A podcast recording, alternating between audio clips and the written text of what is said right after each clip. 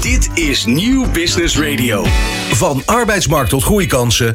Van bedrijfscultuur tot innovatie. De Ondernemer. Live. Elke dinsdag van 11 tot 1. Live op Nieuw Business Radio. Met Remy Gieling. Ja, welkom terug bij het derde uur van dit, deze bijzondere zomerse extra large uitzending van De Ondernemer Live hier op het Mediapark in Hilversum.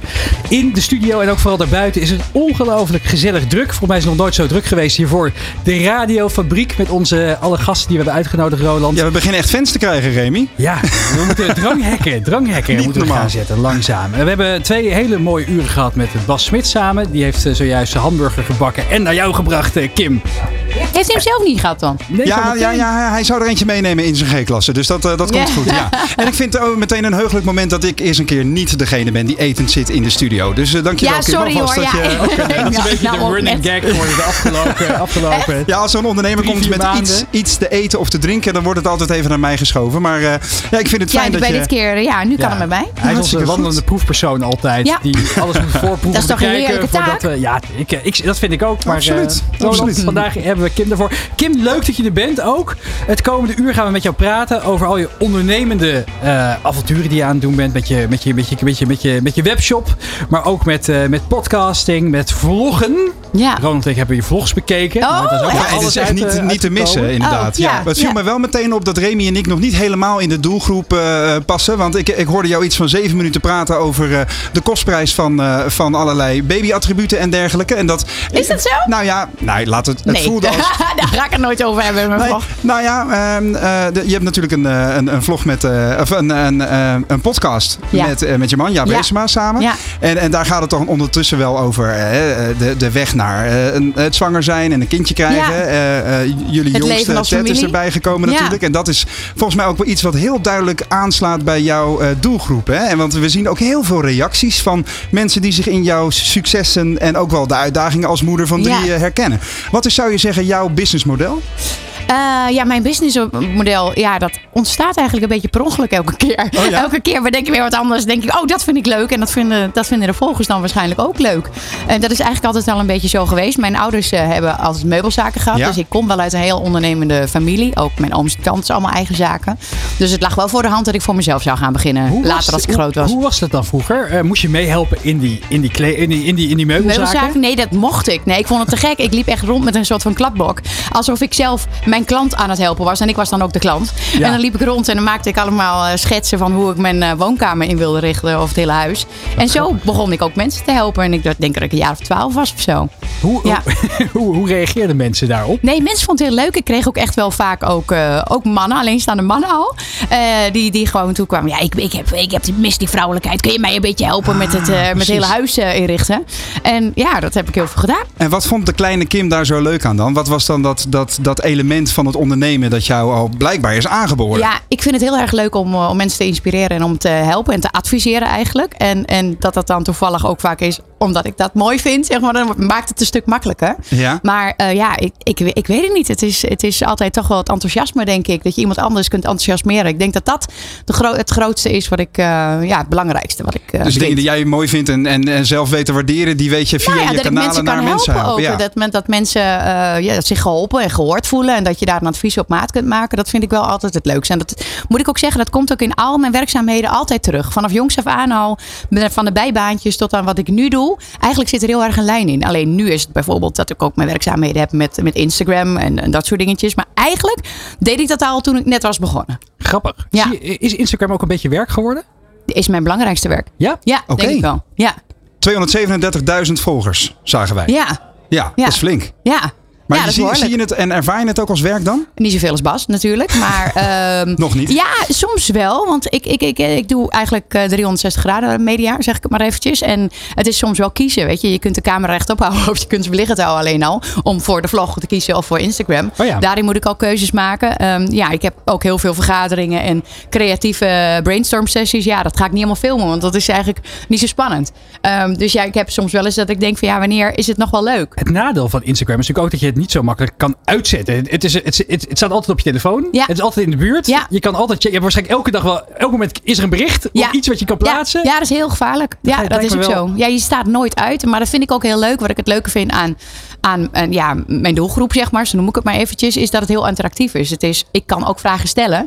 eh, waar ik ook heel veel aan heb. En daarmee kan ik met die antwoorden kan ik ook weer andere mensen helpen. Dus ik vind het juist de interactie heel leuk. En het is niet alleen maar zenden van, van ja, wat ik vind. Maar je zegt net van eigenlijk eh, komen al mijn werkzaamheden soort Ja. toevallig op mijn pad. Eh, Ja. Zit er dan echt geen masterplan achter Kim Kutter? Ja, ik, ik denk dat ik gewoon heel commercieel ben. Dat dat gewoon van nature gewoon zo Je is. ziet er gewoon overal business is- in. Ik zie, ik, ja, ik zie wel overal business in. Of ik maak er business van. Wat maar dat, dat is ook wel echt wat mijn, mijn vader ook heel erg heeft. En wat zijn uh, familie ook heel erg heeft.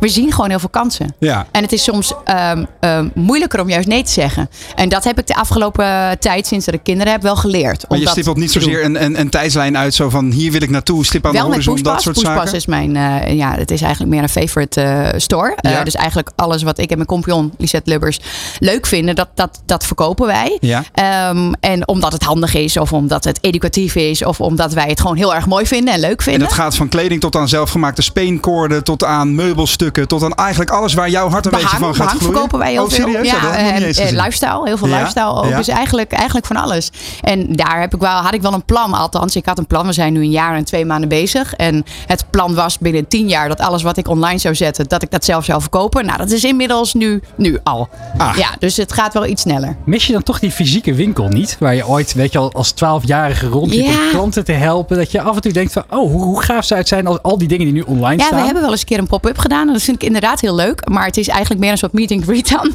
Ehm, wat, ja, wat ook heel leuk is. Voor jawel, ik, maar ik ben zelf, als, ik, als dit nu een winkel zou zijn en er komt iemand anders binnen en die kijkt in de spiegel, dan ga ik me er al mee bemoeien. Dus ik ben sowieso altijd al een soort van winkeltje aan het spelen in iemand anders een winkel. Grappig. Ja. Dus, Grappig. dus onmogelijk om mee te werken, zou je zeggen, of niet? Ja. Eh, nou, ik heb, ik heb inmiddels heel veel collega's. We, hebben al, al, we zijn al een team van 15 vrouwen. En Ja. volgens mij vinden ze het allemaal best leuk. Grappig, daar wil ik zo meteen meer over weten. Hoe het is inderdaad om te ondernemen met ook alleen maar dames. Vind ik een eh, leuk, eh, leuk haakje om, eh, om zo meteen op verder te praten. Maar eerst gaan we luisteren naar één mooi nummer van die talentvolle muzikant. Die Ja, ik ben benieuwd. Een aantal hele mooie nummers ten oren heeft gebracht hier vandaag bij De Ondernemer Live XL. We gaan nog één keer luisteren naar Bram Boender. Kijk. Toch even een kleine toelichting van dit liedje. Dit liedje heb ik zelf geschreven. Hey, thank you. En een beetje wel met een lading ook, want die heb ik geschreven voor een vriendin van mij, die is overleden. Ehm, en die had eigenlijk nog één wens om eh, een liedje te schrijven voor haar vrouw. Als bedankje dat ze alles eh, had gedaan voor haar in de moeilijke tijd. En eh, vandaar ook dat het liedje Thank You heeft. En ik vind het een enorme eer om die nu hier te spelen.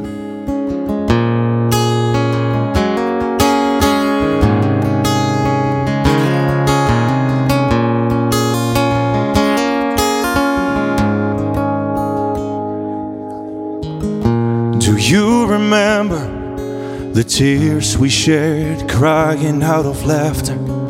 Do you remember the awkward moments we went through together? Do you remember that through any weather we always said that things will get better?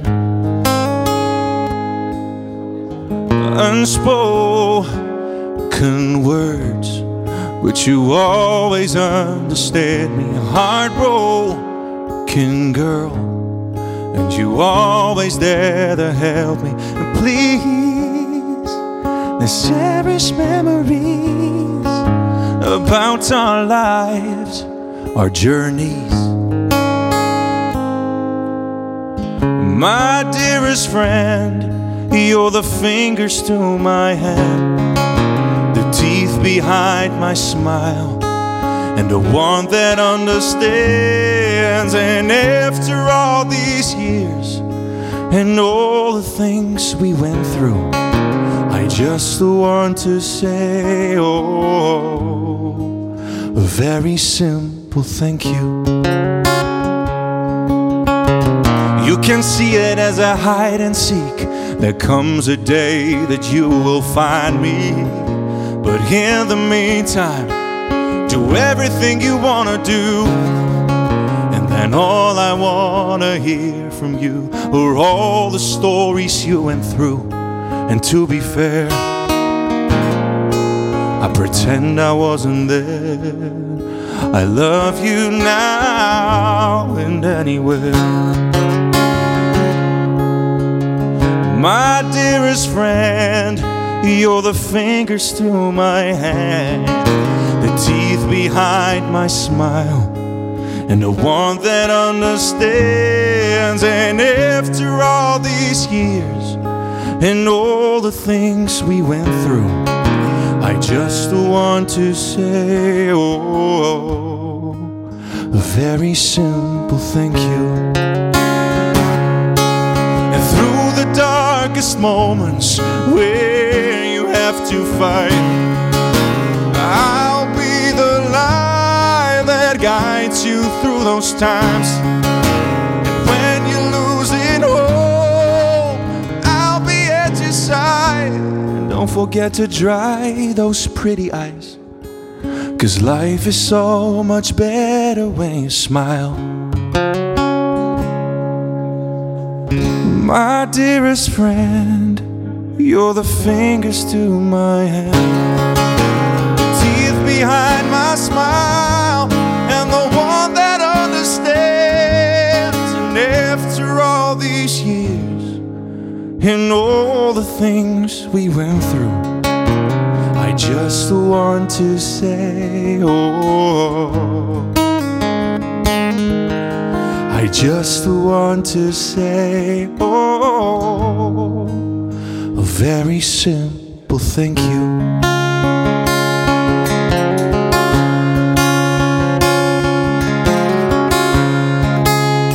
A very simple thank you. Wauw, ongelooflijk. Prachtig gezongen, Bram. Ja, je, je bent natuurlijk bekend van, eh, van, van vele talentenjachten. Idols Ja. noem ik al, House of Talent. Vandaag hier ook. Ehm, hoe kunnen mensen jou vinden? Volgen Spotify, kan ik me voorstellen. Ik zie dat je op Instagram actief bent met 28.000 volgers. Ja. Ja, nee, klopt. Ja, ja, mensen kunnen mij vinden momenteel alleen nog, denk ik, ja, op Facebook en Instagram. Ja, Eh, op Spotify staan inderdaad al wat nummers. Zijn nog redelijk wat verouderd. Maar ik ben hard bezig met een heel plan maken om trend het releasen van nieuwe muziek.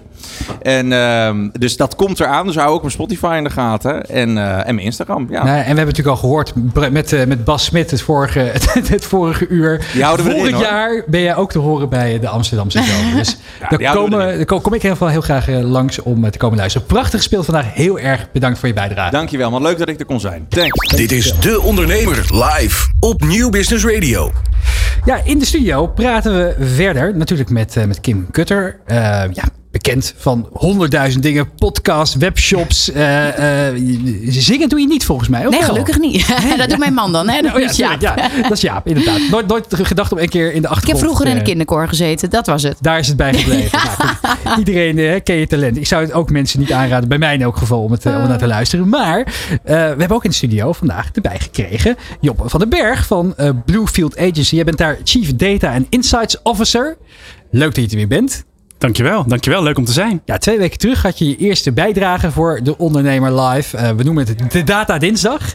Wat fascineert je zo aan data, Job? Het fascinerende is dat het heel complex is, of mensen maken het heel complex. Terwijl je eigenlijk, als je er goed over nadenkt en langer bij stilstaat, er heel veel interessante dingen mee kan doen. En heel erg gerelateerd is eigenlijk ook aan dingen verbeteren, dingen slimmer maken. Dus iets complex eigenlijk proberen om dat behapbaar te maken, dat vind ik een leuke, leuke uitdaging. Iets complex eenvoudig maken. Mooi samengevat is dat ongeveer, ja. Hoe, Het klinkt alsof ik hem nodig heb. Nou, ik ben heel benieuwd. Want je gaat zo meteen bijdragen. Ik ben heel benieuwd naar jouw ideeën daarbij, eh, Ja. Kim. En misschien heb je ook al wat tips. Dus eh, we gaan luisteren naar je bijdrage op deze Data Dinsdag. Ja, dankjewel, dankjewel. Ja, inderdaad, Data Dinsdag. Tijd weer voor een nieuwe datacolumn. Inspiratie, tips, tips en tricks over hoe je met succes en met praktische handvatten waarde uit data kunt halen. Je kleding precies op maat maken. Vul je lengte, gewicht, leeftijd en schoenmaat in. En ons algoritme doet de rest. Zo las ik afgelopen weekend deze advertentie in het FD. En zo zijn er nog veel meer marketingslogans die met AI en machine learning doorspekt zijn. Alles is tegenwoordig opeens AI. En alle oplossingen die bedrijven bieden zijn allemaal gestoeld op AI en machine learning. Het heeft op een of andere manier een magische aantrekkingskracht. In principe is een algoritme gewoon een beslissingsregel. En die gebruiken we al tientallen jaren. Dat is basisstatistiek. Dat is regressiemodellen, attributiemodellen, decision trees. Maar als bijen op honing springt iedereen op deze AI-trend. Een interessante paradox is dat hoe meer we het erover hebben, hoe onduidelijker het is wat AI en machine learning nou eigenlijk precies zijn. En wat jij er morgen mee kunt doen. Is het een hype of helpen deze modellen je bedrijf echt verder? Tijd om daar een antwoord op te geven. Laat ik eens beginnen met een goede definitie van artificial intelligence en machine learning. Eigenlijk is het een verzamelnaam van modellen die zelflerend zijn en in zekere zin zelf kunnen nadenken. Je zou eigenlijk kunnen zeggen dat deze datamodellen steeds meer op mensen beginnen te lijken. Ze kunnen net als wij zelf beslissingen nemen. Denk aan zelfrijdende auto's, die zitten vol met AI. Want er zijn duizenden verschillende verkeerssituaties en die vragen iedere keer om een andere actie. Remmen, gas geven, uitwijken, etc. Het model kan omgaan met veranderende omstandigheden, zonder dat de mens het model per keer moet aanpassen. Het model kan zelf nadenken, leren en keuzes maken. Dat klinkt natuurlijk allemaal heel interessant, maar wat zou jij er concreet mee kunnen? En hoe kun je zelf aan de slag gaan met slimme, zelfdenkende voorspelmodellen? Kortom, welke toepassingen zijn er? Nou, ik heb eigenlijk drie concrete toepassingen hoe je AI en machine learning zou kunnen gebruiken. Laten we beginnen met de eerste. Betere beslissingen nemen door AI. Een bedrijf wil kunnen voorspellen hoe zij belangrijke metrics in een organisatie, denk aan sales, conversie, churn, hoe ze die kunnen beïnvloeden en welke acties ze moeten nemen om het beste resultaat te behalen. AI en machine learning stellen in staat om in de toekomst te kijken en uitgebreide scenario's te maken, ook als tussentijds de context verandert en andere keuzes gemaakt moeten worden. Een tweede toepassing. AI als wezenlijk onderdeel van een oplossing of dienst. Een bedrijf ontwikkelt een geavanceerde oplossing waarbij AI kan helpen om een betere dienstverlening voor je klanten te bieden. Dus AI en of machine learning is een fundamenteel onderdeel van je service en propositie. Jouw dienst is eigenlijk AI. Denk aan een chatbot of Spotify die al weet welke nieuwe muziek je leuk gaat vinden. En Netflix die al weet welke volgende serie je interessant gaat vinden. En dan last but not least, een efficiëntieslag, een geld besparen dankzij AI. Er zijn veel repeteren en arbeidsintensieve taken in je bedrijf die tijd en geld kosten. AI stelt in staat om geautomatiseerd deze handelingen over te nemen. Denk aan het automatisch invoeren van gegevens of handelingen die foutgevoelig zijn en nauwkeurig door AI kunnen worden gedaan. En in de tussentijd gaan ontwikkelingen door en worden modellen nog krachtiger en slimmer. Met deep learning kunnen modellen daadwerkelijk foto's en beelden lezen en snappen wat er precies staat. Geen cijfers, maar beelden. Het model kan zien. Tot slot, hoe kom jij erachter of AI en of machine learning van toegevoegde waarde voor jouw business kan zijn? Start altijd met de why. Wat is je businessprobleem? Wil je kostenreductie in je bedrijfsvoering doorvoeren? Of wil je een concurrentievoordeel behalen met een unieke AI-propositie waarmee je je klant kunt behouden? Zie artificial intelligence, machine learning en alle andere datatrends die nog komen gaan niet als doel op zich. Denk niet hier moeten we ook wat mee, maar denk na of het een middel kan zijn om jouw business te verbeteren en zaken beter en slimmer te, te doen. Want dan kan AI en machine learning echt waarde creëren. Mooi. Prachtig. Dankjewel uh, Job voor deze, voor deze glasheldere uitleg.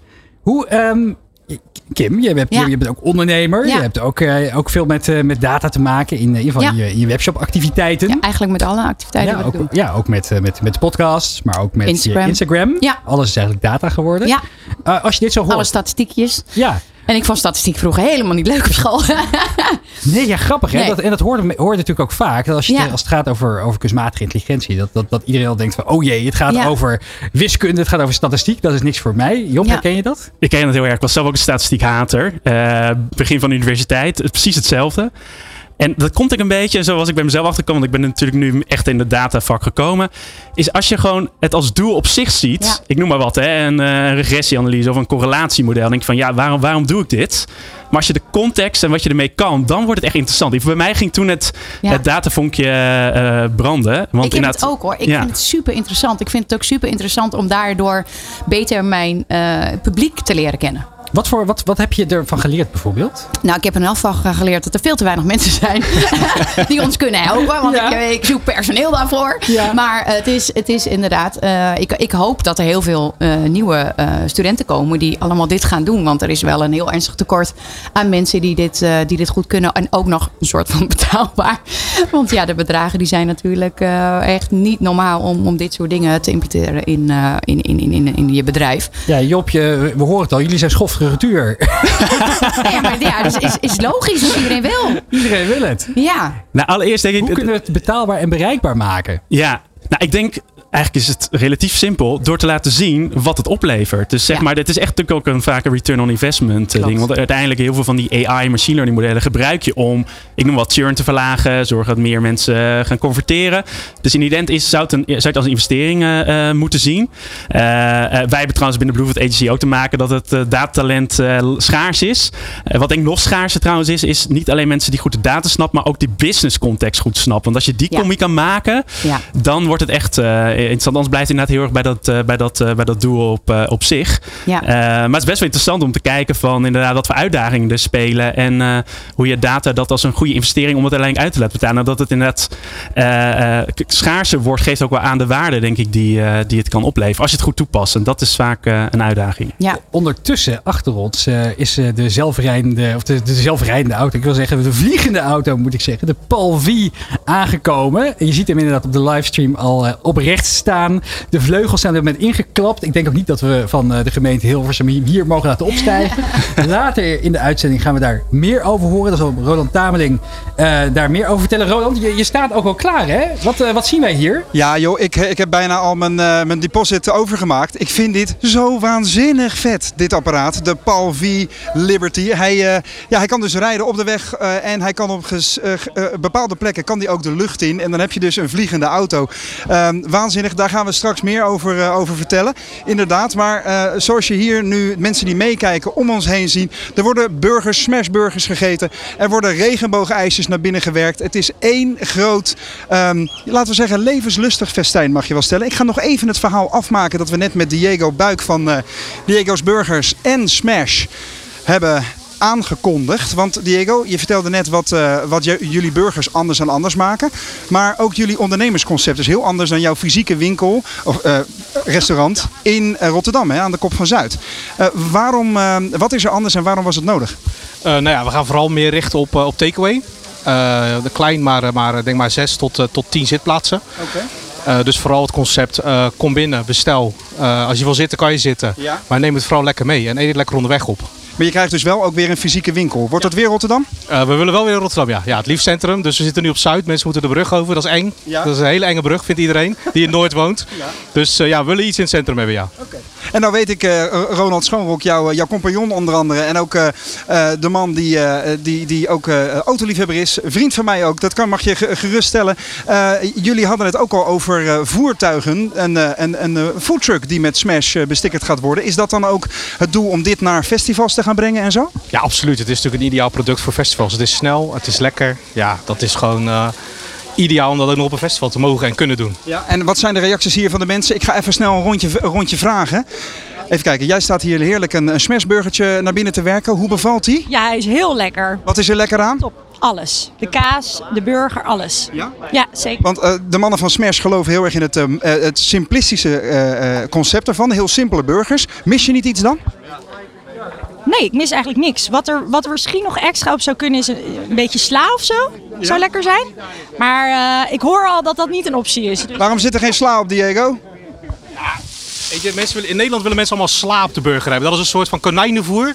Want als we dan sla erop doen, dan is het gezond. Er is niks gezond aan sla. Als je een burger eet, dan moet je gewoon vet eten. Dan eet je boter, dan eet je vet. En dan dat plaatje sla, dat compenseert echt helemaal niks. En dat doet afbreuk aan smaak, vind ik altijd. Kijk, duidelijk. Er is eh, een heerlijke discussie op gang. Ik ga ondertussen nog even met twee van onze expertbloggers van deondernemer.nl praten. Devin, jij staat hier. eh, jij bent onze, onze crypto-koning, zal ik bijna zeggen. Ehm eh, je bent van, eh, van Token Traders. Token Partners, sorry. Dat, eh, dat is precies wat het is. Ehm, ik zit zelf een klein beetje in de crypto's. Er zijn meer mensen hier aanwezig die, eh, die toch wel op de cryptovaluta inzetten. Maar het is natuurlijk een hele pijnlijke markt op het moment. Hè. Wat, eh, wat eh, kan jij voor situatie en beeld schetsen voor de ontwikkelingen van de komende tijd? Ja, momenteel zit het inderdaad een beetje in een slechte markt. Komt ook een beetje door de macro-economie. Omdat ja, de rentes zijn gewoon heel erg hoog. En zolang de rentes hoog blijven, ja, dat, dat zie je vaak, dat heeft ook zijn uitwerking op aandelen. En toch zien investeerders cryptocurrencies vooralsnog als risicovolle investering. En op het moment dat dat weg zou gaan, dat ze echt kunnen zien dat het ook een alternatief biedt voor de valuta hoe die nu is, dan denk ik dat we wel een andere markt krijgen dan nu. Maar vooralsnog zijn we nog eh, ja, wel een beetje afhankelijk van, eh, van de rentes, helaas. Ja. En de meest gehoorde tip die je dan ho- hoort is hodl, hè? hold on for dear life. Hou vooral je munten vast. Wat is jouw advies? Ja, mijn advies is eigenlijk inderdaad ook hoddel. Maar je moet ook wanneer de markt een beetje stijgt, moet je ook een keer je winst nemen. Hè? Dat is een beetje afhankelijk. Maar ik zou juist ook blijven bijkopen. Dus eigenlijk elke maand een vast bedrag, dan kun je nooit helemaal fout zitten. Dus eh, dat is eigenlijk mijn advies. Eh, elke maand wat je kan missen, een vast bedrag investeren in de crypto's. En dan, eh, ja, dan moet eigenlijk altijd wel goed komen. Nou geven we voor de duidelijk absoluut geen beleggingsadvies natuurlijk. Maar zou je dan zeggen, joh, zet, zet in op diverse potjes en, en probeer te spreiden? Of heb jij een aantal munten waarvan je zelf ook wel denkt, nou dat zou wel eens wat kunnen worden? Ja, ik geef inderdaad geen beleggingsadvies, maar ja, je moet niet de kleine munten kopen momenteel. Je moet echt kijken van oké, welk project staat al, welk project ja, heeft veel activiteit. Ja, dan kom je al gauw uit ergens in de top 10, dus Bitcoin sowieso. Maar ook Solana zie je dat dat eh, ook een goed alternatief biedt voor Ethereum. En er zijn er nog wel meer eh, grote, goede blockchains die eh, echt wel in gebruik genomen zullen worden. Dus eh, ja. dat zou ik wel doen. Ja. Dat zou je wel doen, inderdaad. Maar er zijn ook toch wel ehm, ehm, eh, ook ondernemers die zeggen: ik ga daar nooit in, het is een veel te groot risico. Er zijn ook munten die op omvallen staan, crypto-beurzen die, die gesloten worden op last van overheden en zo. Ehm, wat zeg jij tegen mensen die zeggen: ik ga, maar, ga mijn vingers er niet aan branden? Ja, ik zeg dat je toch wat, wat beter moet verdiepen wat nou precies de reden is waarom bijvoorbeeld voor sommige exchanges eh, niet mogen van de overheid. Ik zou zelf altijd, eh, je wil je risico altijd spreiden, maar ik wil ook zeggen dat bijvoorbeeld euro's kunnen ook een risico zijn. Op het moment dat de euro om zou vallen of andere currencies, voor andere landen is dat nog een groter probleem dan voor ons.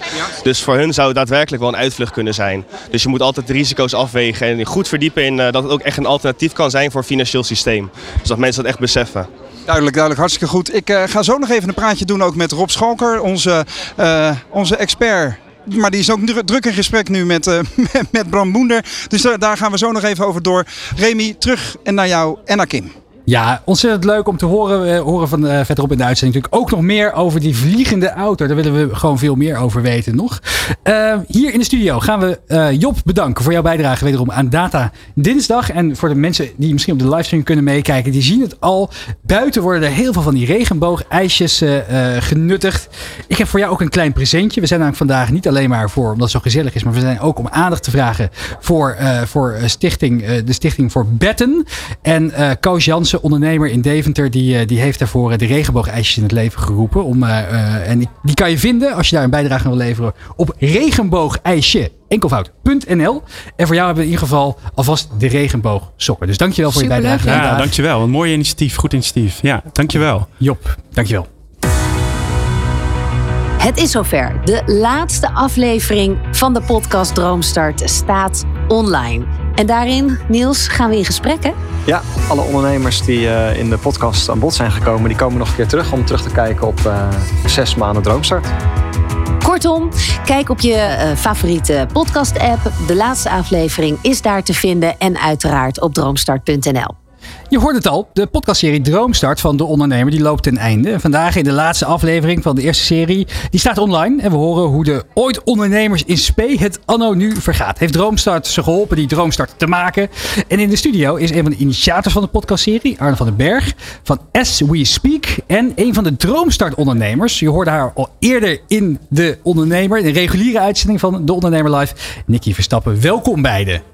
Dankjewel. Leuk dat jullie er zijn. Uh, eensgezind ook. Uh, Arne, eerst even naar jou. Uh, even terug in de tijd. Je luisterde een Amerikaanse podcast over ondernemen. En je sprak vervolgens Robert van der Ham, van, de Ham hè, van de ondernemer erover. Wat, wat was jouw droom hiermee? Wat wilde je bereiken? Uh, nou, ik wilde bereiken dat uh, nou ja, eigenlijk mensen zoals Nicky uh, zeg maar hun droom waar gingen maken. En dat ze uiteindelijk de stap die heel veel mensen willen zetten, ook daadwerkelijk gingen zetten. Om toch zeg maar zelf te gaan ondernemen. In plaats van voor heel veel andere mensen werken. Ja, wat even voor de luisteraar die het niet kennen. Wat doet As We Speak?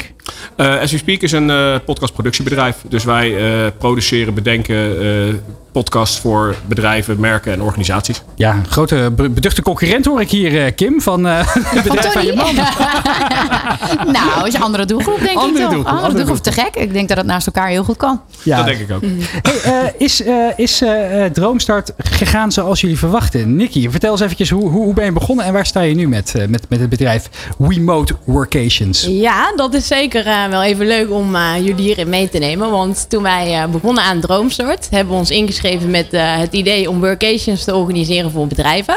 Daar heeft Eva, mijn compagnon, die is er nu niet bij, mee gepitcht. En inmiddels zijn we eigenlijk meer uh, door de het hele traject van Droomstart uitgegroeid tot een employer branding agency. Dus we maken eigenlijk personeel gelukkig. En we helpen bedrijven daarmee om dat naar de buitenwereld ook uit te stralen. Dus dat heeft Droomstart ons gebracht. Ja, zoals in start-up term noemen we dat dan volgens mij ook een pivot. Hè? Want jullie wilden volgens mij eerst helemaal gaan richten op, uh, op, de, op de workations. Op, Ja. op, op werken, in het werken in het buitenland. Klopt. Arne, hoe hebben jullie dat, dat traject doorlopen?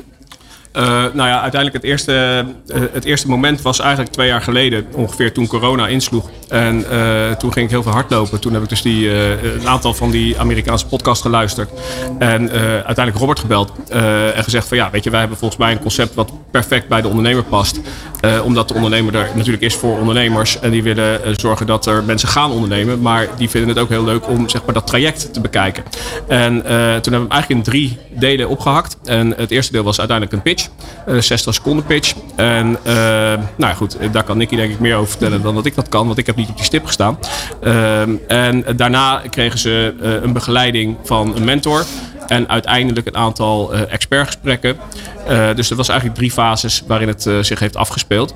En gaandeweg zie je natuurlijk dat een aantal mensen, nou ja, die trappen echt door. En een aantal mensen die blijven hangen. Nicky, wat heb je uit die mentor, mentorgesprekken en die expertgesprekken gehaald?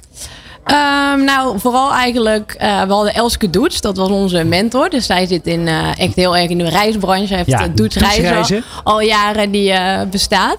En zij stimuleerde ons juist heel erg. We kregen een beetje van de andere coachen ook mee dat het heel veel onderzoek was van tevoren. En zij zei juist heel erg doen. Dus ga maar gewoon proberen en ga die stappen maar gewoon zetten. Dus zij heeft ons wel echt in die kant gestuurd dat we dachten, oké, we gaan gewoon van allerlei dingen proberen. En we kijken wel eh, wat aan gaat slaan. En vooral in het andere gesprek, we hebben ook experts gekregen. En Thijs van de ondernemer, wat een eh, B2B eh salesstratege was, die ging meer met ons nadenken over: oké, jullie gaan workations aanbieden. Maar wat is het probleem daarvoor? Wat lost die workation op? Want workation is niet een probleem voor een bedrijf. En daardoor zijn wij dus weer verder gaan denken met ons bedrijf en hebben we ons bedrijf eh, verder ontwikkeld. Tot de Employer Branding Agency, Ja, wat het dan nu is. klopt. Kim, als je dit dan zo hoort, mo- moet je ook even terugdenken aan die eigen begintijd van jou? Ja, zeker. zeker. En, en, en inderdaad, met alle gesprekken wat je doet, daar haal je weer wat uit. En daar, daar kun je weer wat mee. Of niet. Maar ehm, het inspireert je wel de hele tijd. En, en, jij waarschijnlijk de ander ook. Wat voor mensen heb jij in die, in, in die tijd? Voor mij we ook al heel lang terug, hè? Ja. Je eerste modellenbureau. Nou ja, ik, ik, heb, ik ben eigenlijk ook net als jullie. eh, als, je, als je mensen heel veel interviewt en, en, en interessante gasten hebt en heel veel leuke bedrijven bezoekt, daar leer je ook heel veel van. Ja. En, en, en Je bent nooit actief op zoek gegaan naar mentoren? Nee, nee, of, eh, nee, nee, nee. met Want ik, ik word zelf ook heel veel benaderd gesproken? van mag ik een keer een kop koffie met je drinken? Ja. Maar ja, daar, daar, daar heb ik ook geen tijd voor. Nee, en ik wil, het ook niet, ik wil het ook niet van andere mensen. Nee. Nee, ik zoek het toch een beetje zelf op. En ik probeer zelf geïnspireerd te worden door, door wat ik zie. Ja.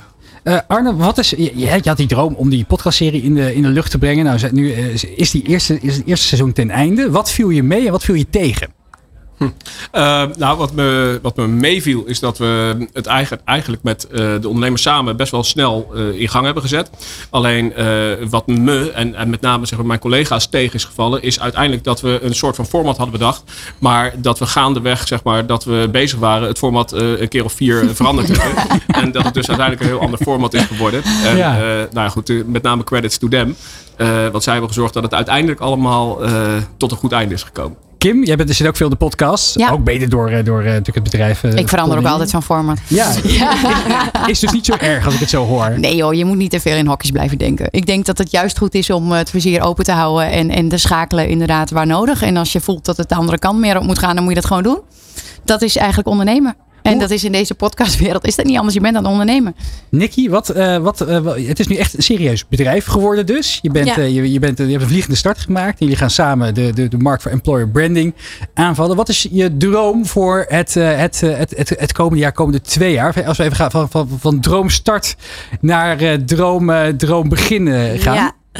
Ehm, nou, we hebben nu allebei sowieso nog een eh, freelance opdracht. Dus ons eerste doel is wel eh, dat we die freelance opdracht eh, zo snel mogelijk kunnen veranderen naar echt alleen nog maar met Wimo bezig zijn. En daarnaast hopen we dit jaar eh, wel al een eerste medewerker eh, in dienst te kunnen nemen. Eh, ja, daar streven we wel naar om dat eh, te realiseren. Kim, een eh, klein eh, tipje van jou als, eh, als doorgewinterde ondernemer. Ja. Voor, eh voor, voor Nicky met, met, met, eh, met, met, met, met, met, met Remote. Heet het bedrijf nog steeds Remote? Ja, zeker. Ja. Het heet, eh, Remote?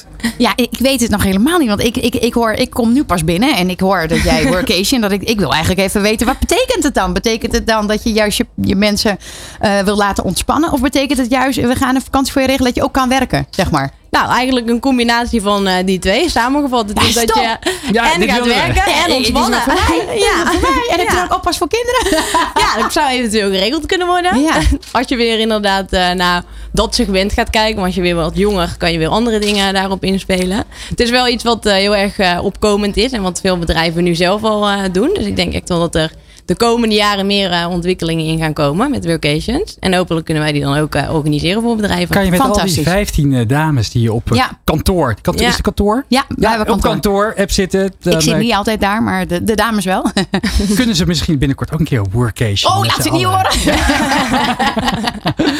Nou, allemaal tegelijkertijd is op zich wel een idee. Want bij ons is het wel altijd Daarom. met personeel. Die wil dan op vakantie, die wil dan op vakantie. En dat Hebben kan natuurlijk niet Nou, allemaal ik moet tegelijk. jou even spreken zo, denk ik, Kim. Heel goed. Gewoon twee, keer per, twee, twee keer per jaar gaan we gewoon dicht voor twee weken. En dan gaan we met z'n allen. Ja, Precies, heel goed. Precies. Ontzettend bedankt. Eh, de podcastserie van Droomstart is natuurlijk terug te luisteren via alle bekende podcastplatformen. Dank je wel in elk geval voor je komst naar de studio. Ook eh, Arne van den Berg. Ik kijk erg uit naar seizoen 2. Die gaat er komen? Ja. Zeker. Nou, absoluut. En eh, jij ook eh, met de verdere stappen van eh, jouw eh, bedrijf, Nicky Verstappen van Dank eh. Remote. Dank jullie wel. Thanks. En eh, ja, wij gaan snel door, want een nieuwe band staat in de startblokken. Je hoorde ze ook al voor de vervent luisteraar in de allereerste aflevering van De Ondernemer Live. Het is de Utrechtse band Banner. Hallo, lieve ondernemers. Ehm, het liedje dat we nu gaan spelen, dat een eh, meisje waar we hebben gedate. En eh, dat liep uiteindelijk volgens haar was dat de reden van onze sterrenbeelden niet met elkaar matchen. Ja, iedereen Op mijn telefoon. Ik hoor iets niet. Oh. Ze is een beetje gek, beetje gek, maar zo mooi. En ik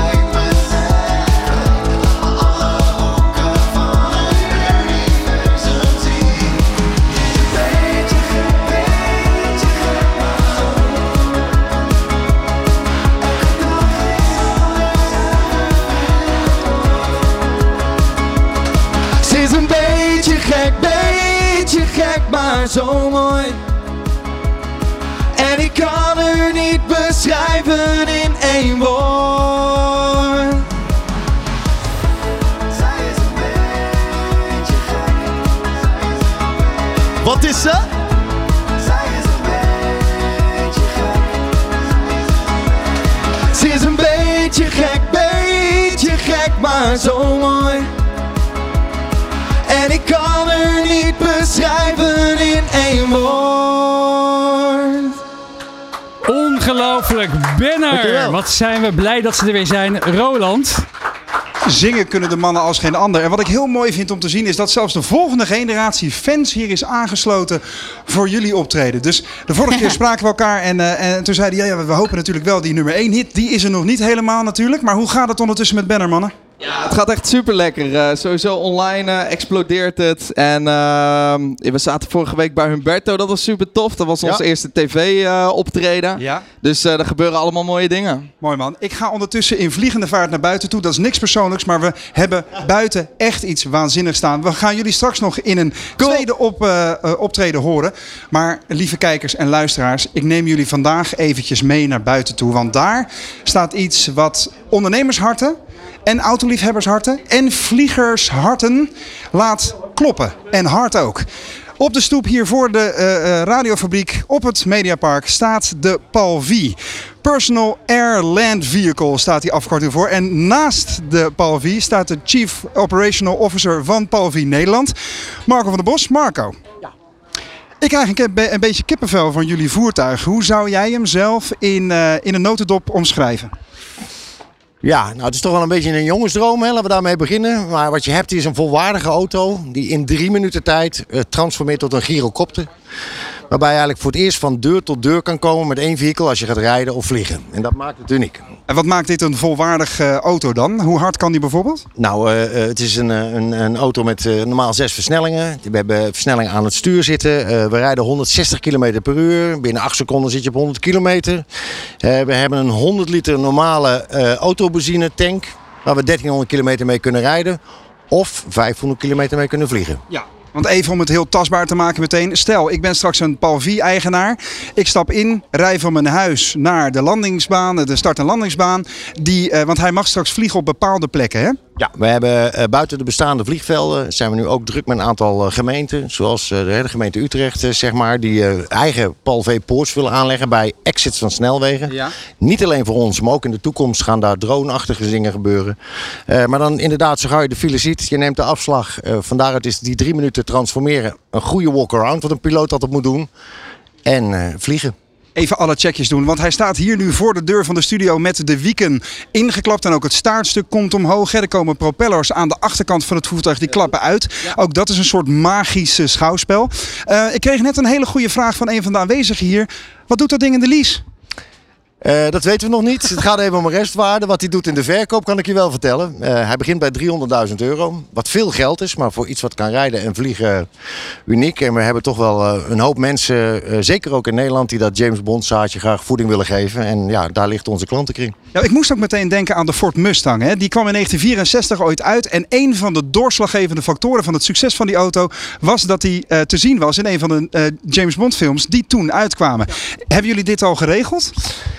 Ik kan niet alles vertellen, maar we hebben de, de filmploeg van James Bond al op bezoek gehad. Omdat dit eigenlijk een verdere versie was van de Little Nelly, wat ooit een keer een vliegtuigje was. Ehm, ik had dan, april hadden wij daar naar Pinewood Studios eh, om Tom Cruise te mogen ontmoeten voor mogelijk Mission Impossible 8, eh, of sorry, 9 of 10.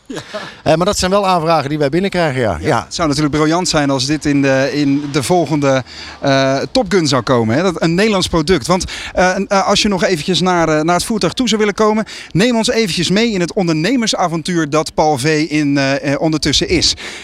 Hoe lang geleden zijn jullie met de ontwikkeling van dit apparaat begonnen? Best een hele tijd terug, hè? Ja, het, het, het echte idee is ooit in het jaar 2000 ontstaan als idee. En ehm, dan is er een haalbaarheidsonderzoek geweest. Is het wel mogelijk om binnen bij huidige wetgeving en certificering om dat te maken? Want het is een droom die al 100 jaar sinds de uitvinding van de auto en het vliegtuig geprobeerd is. En als we man en paard noemen, was het antwoord eigenlijk nee.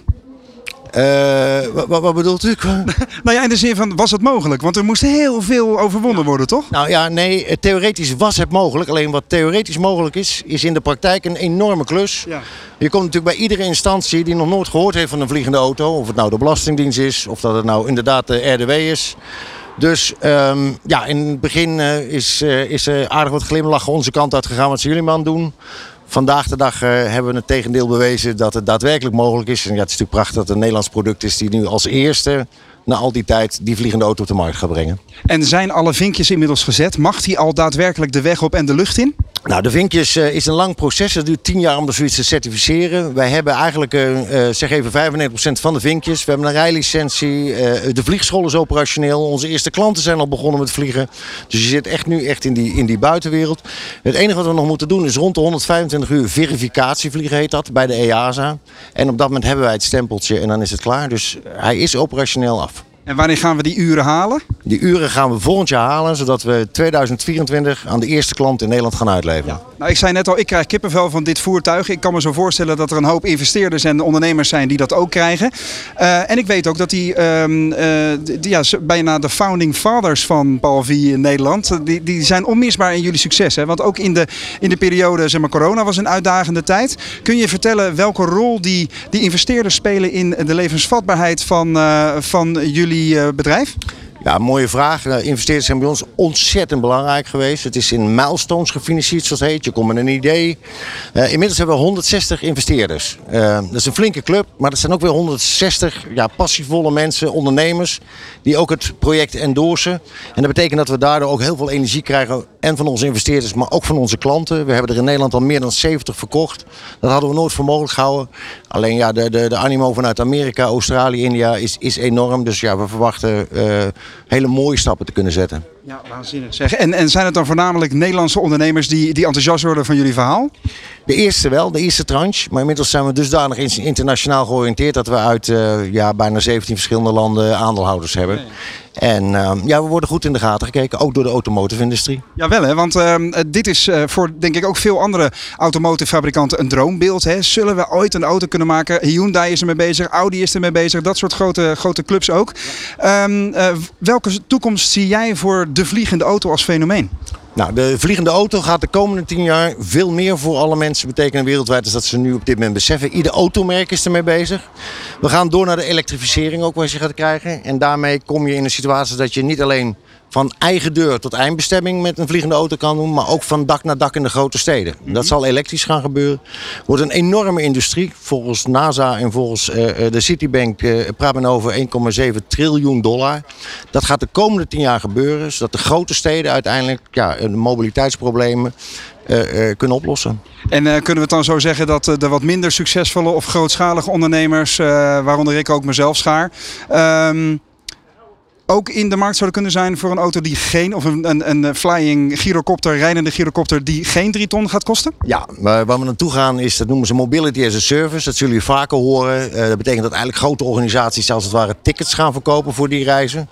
Eh, wat ook mogelijk is, dat noemen we shared ownership. Hè. We hebben een aantal klanten die met elkaar eh, dat doen. En eh, ik zou bijna willen zeggen, als je de ruimte en de tijd hebt, moet je ze maar eens een keer komen proberen. Dat gaan we absoluut doen. Eh, Paul V is een, is een voorbeeld van innovatie uit Nederland. En ik vind het waanzinnig dat jullie hier vandaag zijn gekomen. En ondertussen dankjewel Marco voor je komst. En eh, eh, tot binnenkort zeg ik. Dan ga ik van de, eerste, van de ene oranje trots naar de andere oranje trots. Want hier naast mij staat Rob Schalker. Bekend van A Fish Named Fred. En het fijne confetti shirt dat ik vandaag draag. En je, je hebt een, een, een, natuurlijk jullie logo. jullie, jullie, jullie vis, eh, jullie Fred in de, in de handen. Eh, Sorry? Onze mascotte. Precies. Rob, ik wil graag met jou even heel kort duiken in de huidige situatie eh, van eh, de fysieke winkels. Want jullie hebben zelf ook een fysieke winkel geopend in de Mall of the Netherlands. Ehm, wat is daar de situatie en wat verwacht jij van de nou, toch wel wankele economische situatie op het moment? Ik denk dat, dat de gemiddelde Nederlander, als we het eventjes beperken tot Nederland, dat hij genoeg kleding heeft. En eh, uiteindelijk is het eh, als merk heel belangrijk om ervoor te zorgen dat je begeerlijkheid oproept. En dat ze, jou, dat ze jouw kledingstuk willen hebben. Hè, dus eh, nodig hebben, ja, dat is een heel ander verhaal dan, dan willen hebben. En eh, nou ja, goed, daar weten we aardig het verschil te maken. En ja, goed, de voorraden zijn bijna uitverkocht. Dat zegt denk ik genoeg. En hoe essentieel is een fysieke winkel dan voor jullie? Nou, het is natuurlijk een hele mooie showcase voor eh, wie we zijn en wat we doen. En eh, de winkel in de Mall of the Netherlands is voor ons een, eh, een all year round trade fair. Dus het is een, een beursstand waar je ja, exportpartners, maar ook Nederlandse klanten kan uitnodigen. Om te laten zien wat je, wat je bedoelt met je merk. Ja.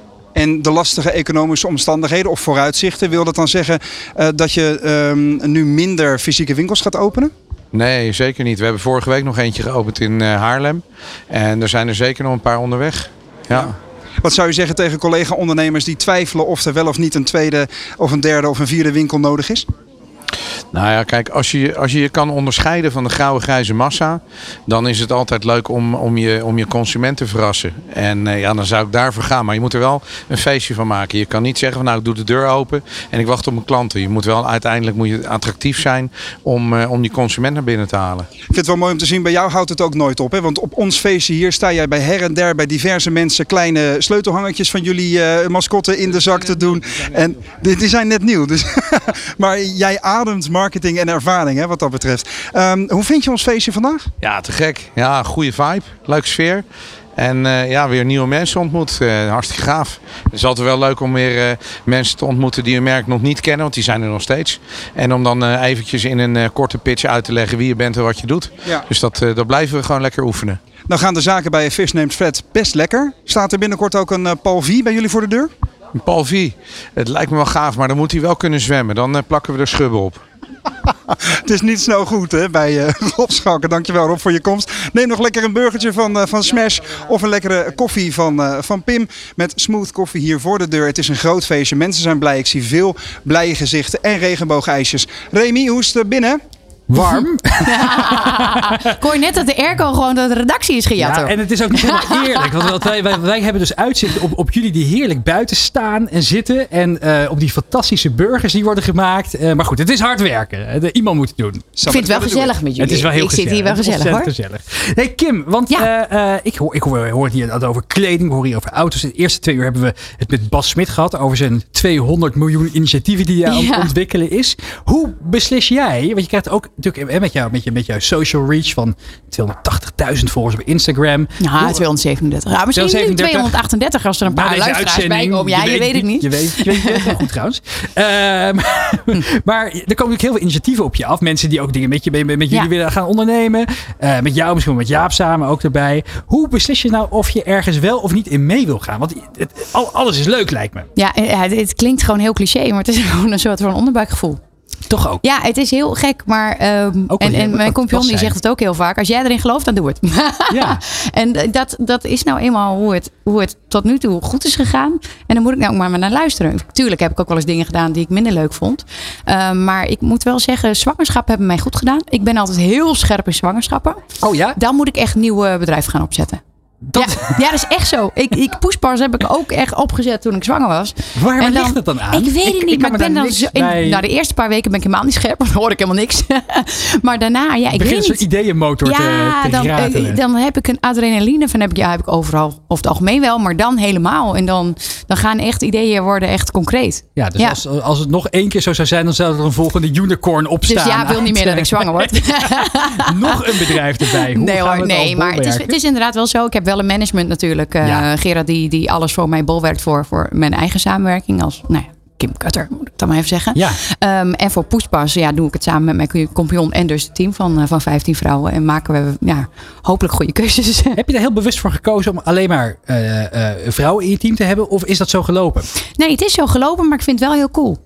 Ik weet het niet. Ik vind het ook heel leuk dat het bedrijf weer in Twente zit. Ik kom oorspronkelijk uit Twente, zoals je misschien wel kan horen. En steeds meer, omdat ik een steeds meer Twentse dames werk. Ehm, maar ik woon hier, eh, echt om de hoek. ehm, in, eh, in Loosdrecht, dus dicht bij, eh, Hilversum. Ehm, en ik vind het heel leuk dat het bedrijf in Twente zit. Geeft weer een andere interactie. En de vrouwen ook. En soms vind ik het ook heel lastig. Want ik ben zelfs wel meer een mannetje. En, ehm, en, en, en soms is dat wel eventjes, ja, dan moeten we iedereen weer op scherp zetten. En dan, ga ik er weer door en zeg jongens, jullie werken voor mij. En ik ben niet een heel erg vrouwtje, dus het is beter dat we niet allemaal van die vrouwelijke dingen gaan doen in het bedrijf. En vinden jullie dat goed? Nou, meestal vinden ze dat dan eh, Hopelijk wel goed. Ik heb toevallig van de week ook, eh, er- er- er- er valt hier iets... eh, De camera valt uit elkaar. wordt hier aangevallen Gelukkig door zijn we nog op de radio. nee, maar het is, het is leuk. Ik had laatst inderdaad ook een, een groep, eh, groep eh, van een hele leuke, leuk, leuk bedrijf, eh, Scout. Die hadden eh, ook alleen maar, eh, alleen maar dames Ja. eh, in dienst. Het gaf een hele leuke dynamiek in die, in, in, die Nou, groep. weet je wat Dus, het eh, is? Ik zou zeggen, doe we dit denken, vaker. We zijn, we zijn op een andere manier creatief. En ik denk met wat wij verkopen. Ik hoor nu muziekje, dus ik moet afronden, denk ik. Ehm, maar eh, denk ik ook dat vrouwen wat meer smaak hebben op dat gebied misschien. Nou ja, we gaan inderdaad zo meteen eh, verder praten. We hebben Ja. nog een uur eh, gelukkig eh, met je, waarin we met nog meer ondernemers te gast krijgen. En we gaan praten over bedrijfsgroei, de uitdagingen die daarbij komen kijken. En in het vierde uur van de Ondernemer Live XL praten we inderdaad door met jou. Maar we hebben ook Niels Meijsen van Moonback over zijn succesvolle crowdfunding campagne. Meer dan 2 miljoen euro hebben ze opgehaald. We praten met Kiki eh, Boreel over de Nationale Klimaatweek. En nog veel meer. Blijf dus vooral kijken en luisteren. Want we gaan ook dan luisteren naar meer nummers van Banner. Tot zometeen. Dit is De Ondernemer live op Nieuw Business Radio.